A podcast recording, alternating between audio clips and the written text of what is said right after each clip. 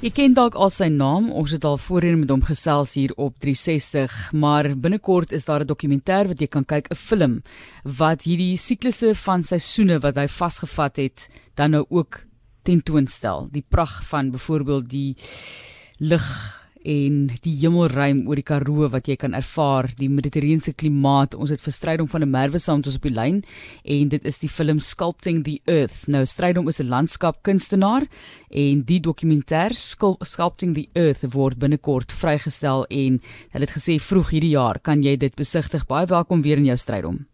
Baie dankie, lekker om weer by julle te wees. Ons gaan nou 'n bietjie gesels oor Sculpting the Earth en die vier seisoene wat hulle vasgevat het of vasgevang het en ek wil net eersins vir jou vra, hoe voel dit om te weet daar's 'n film wat van jou gemaak word en dat mense so opgewonde is daaroor? ja, dit natuurlik is ek baie opgewonde daaroor ook so mens mens voel natuurlik baie geëer dat dat mens enigstens genader is deur deur die filmmaker uh Victor van Aswegen wat reeds 'n bekende dokumentêre filmmaker is dat hy met die voorstel na my toe gekom het. En en soos mense nou my my kuns ken is dit kuns wat nie permanent is nie. En is dit eintlik dis maar 'n manier om te wys uh jy weet wat se tipe kuns ek maak. So dit is nie my kuns is nie iets wat ou kan koop en noodwendig teen sy muur op.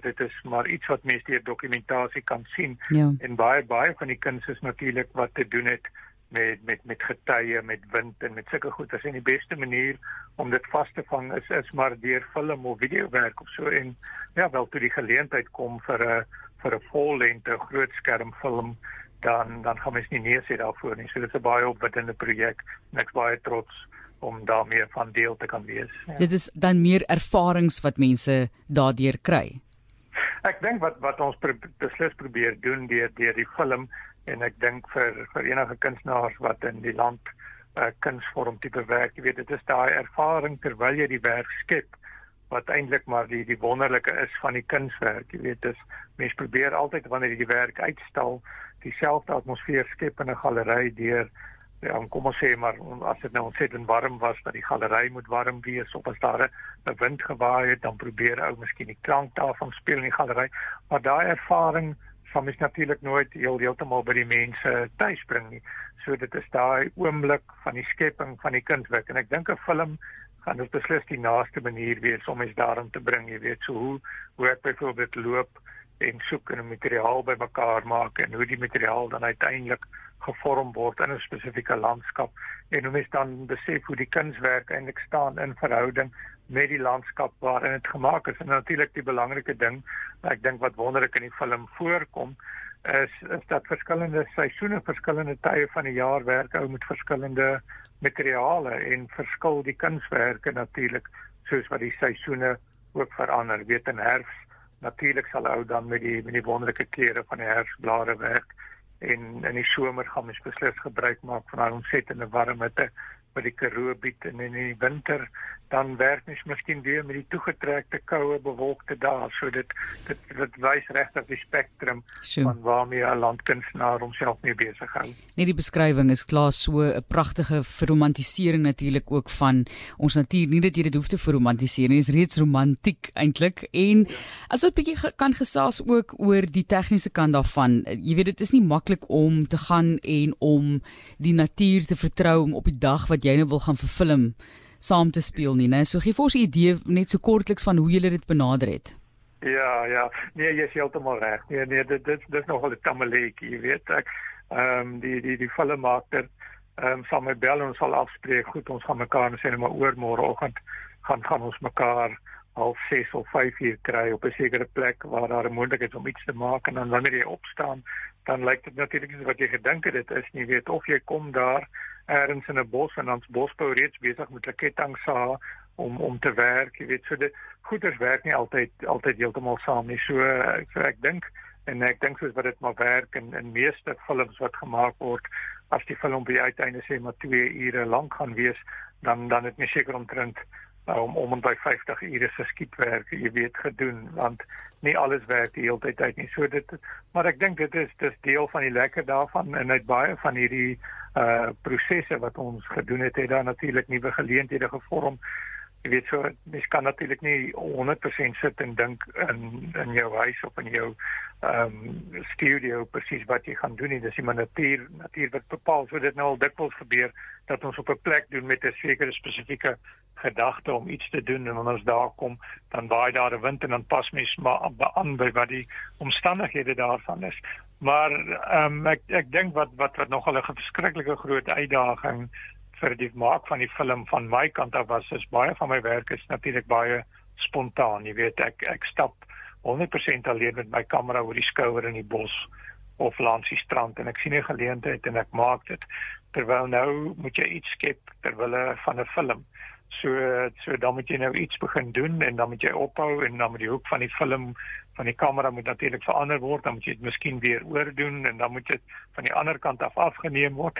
Jy weet so dit dit raak partykeer raak dit nogal frustrerend maar mens mens sien natuurlik die langer uitdoel van die stories en mens natuurlik raak raak daarin en dat dit belangrik is ek dink uiteindelik vir die mense om te sien hoe hoe die skepingsproses werk van asou so nie natuurlik is en wat jy nou natuurlik vra natuurlik dit is natuurlik deel daarvan. Die die skepingsproses is deel van die siklusse van die natuur. So as die natuur die dag nie wil hê dat jy iets moet maak nie dan laat verstaan hy jou baie duidelik nie. Vandag nie kom probeer môre weer en dan so volg mens maar die patrone Nou ja, strydom, dit is 'n organiese proses beide jou landkuns en ook die film se uh, proses, né, van um, kreatiwiteit en ontwikkeling en samestelling. Gaan julle enigsins 'n dokumentêre aanslag hê, gaan julle van julle ou werke of is dit 'n werk in wording soos wat dit ontwikkel?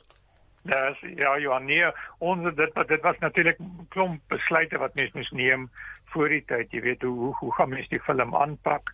En ek het nou natuurlik heel wat al werk gemaak in die verlede. Daar's werk wat my natuurlik baie graag sou wil wys en so. Maar ons maar ons het gedink miskien sal dit die heel beste wees as die film heeltemal nuwe werk insluit. So die die film gaan heeltemal nuwe werk wees wat ons nog nie van tevore of wat die kykers of die mense wat my kuns geniet nog nie van tevore gesien het nie. En en ek dink so dit skep natuurlik daai afwagting en daai opgewondenheid dat dat mense 'n hele nuwe portfolio van werk gaan sien. Dit is natuurlik verskriklik moeilik want want ons is nou al meer as 'n jaar besig om te werk aan die film. So jy weet ou wil vreeslik graag vir mense presies wys wat gaan aan. So ons het 'n webwerf waarop mense kan sien wat is en ons het 'n so klein voorskou filmpie wat mense kan sien wat om te verwag.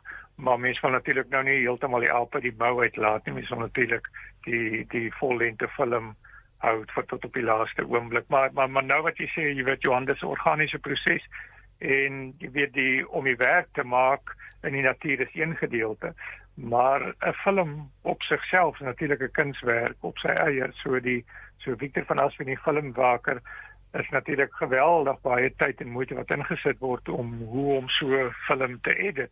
Jy weet dan mens kan nou nie net vir 2 ure sit en kyk van die een prentjie na die ander prentjie na die ander prentjie. Dit begin vervelig raak. So dan moet natuurlik 'n baie goeie storielyn daarin wees en dit moet natuurlik die mense se aandag behou en dit moet natuurlik emosioneel raak en so aan. So so die film maak of die filmredigering aan mekaar se daarvan sien ek natuurlik is natuurlik net so groot kunswerk op sigself as die kuns wat in die film self sal voorkom. Stel jy hom ek moet so vir jou ten slotte vra, jy weet, um, ook in hierdie uh, COVID tydperk vir kunstenaars was dit 'n moeilike tyd. Uh, miskien jy as 'n landkunstenaar het 'n ander manier of styl van werk en 'n uh, ander tipe van befondsing, maar Baie geluk met jou uh, met jou Jackson Pollock prys wat jy gekry het. Dit help jou om 'n bietjie ruimte te skep, né? Vertel vir ons net van daardie stigting en die interessante werk. Ja, ja, wonderlik. Ek het nie woord ruimte wat jy gebruik het. Beskep dit ja, nee, dit dit, dit is 'n baie groot voorreg hier ehm um, wat gekom het. So dit is ehm um, dis Lee Krasner en sy was getroud met die meer bekende Jackson Pollock en hulle was natuurlik albei abstrakte ekspresioniste hier in die laat 50s vroeë jare. En hulle het en natuurlik hierdie die um foundation die um gestig waar natuurlik baie geld is en hulle besluit dat leerder kunstenaars wil help met hulle beroep en so mense so enige kunstenaar kan aansoek doen daarvoor. Jy stuur natuurlik 'n portfolio in van jou werk en dan stuur jy 'n aanmoedigingsbrief. Hoekom jy dink hulle vir finansiëel moet werk moet, moet help? Nou nou ek het natuurlik die saak uitgemaak dat Suid-Afrika beslis een van die lande met die mooiste verskillende natuurskoon en en daar is nog 'n dokumentêre film gemaak oor 'n uh, landkunstenaar in die suidelike halfrond van die wêreld in die wêreld nie en dat dit finansiëel ontsettend baie sal help as ek net baie meer ruimte, die woord wat jy gebruik het kan hê. So die die fonds betaal vir vir baie van my basiese daaglikse onkoste en dit stel my natuurlik in staat om meer tyd aan die landkuns af te staan wat nie noodwendig 'n geldmaker is nie, maar wat ek dink mense se lewens in die algemeen en oor die groot meerderheid verryk. Weereens baie geluk aan jou strydom. Ons is trots en dit is landskapkunstenaar strydom van 'n merwe wat daardie groot toekenning ontvang het en daar is ook 'n film wat nou vrygestel gaan word in 2022 vroeg het hulle gesê en dit is Sculpting This Earth. Jy kan gaan kyk na sy webblad strydom.com soos dit die strydom gewoonlik sal skryf maar S T R I J D O M.com. Gaan kyk gerus en daardie film deur Victor van Aswegen.